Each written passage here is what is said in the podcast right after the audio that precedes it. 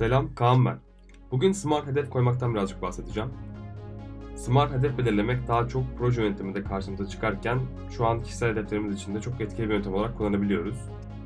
Smart hedefleme ilk olarak Peter Drucker tarafından bulunmuştur vesaire. Buralara çok girmiyorum çünkü bunları zaten Wikipedia'da halihazırda bulabiliyorsunuz.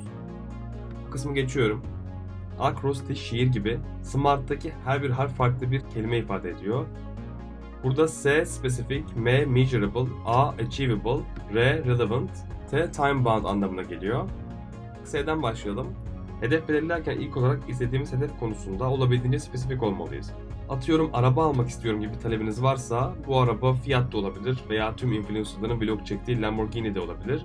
O yüzden olabildiğince spesifik olmak gerekiyor bu hedef konusunda. Çünkü burada spesifik olmak aslında ne istediğimizi tam olarak tüm detayıyla biliyor olduğumuz anlamına geliyor. Measurable yani ölçülebilir bir hedef olmalı. Ölçemeyeceğimiz hedefler daha çok havada kalmaya mahkum oluyor. Her bir adımımız ve gelişimimizi takip etmek için ölçülebilir sonu olan bir hedef koymak daha mantıklı olacak zaten. Achievable yani ulaşılabilir derken tam da demin bahsettiğim sonu olan bir hedef olmalı. İnsan olarak limitlerimizi aşmayan ulaşabileceğimiz bir hedef olmalı yani. Örneğin haftaya milyoner olmak istiyorum. Çok da achievable bir hedef değil. Gerçi günümüz dünyasında 11 yaşında çocuklar dahi bir geliri dijital art diye NFT'leri trade yaparak zengin oluyor. Her neyse konumuza dönelim. Relevant yani hedefiniz sizin için önem arz eden ve hayatınızdaki diğer taşlara uyuyor olmalı.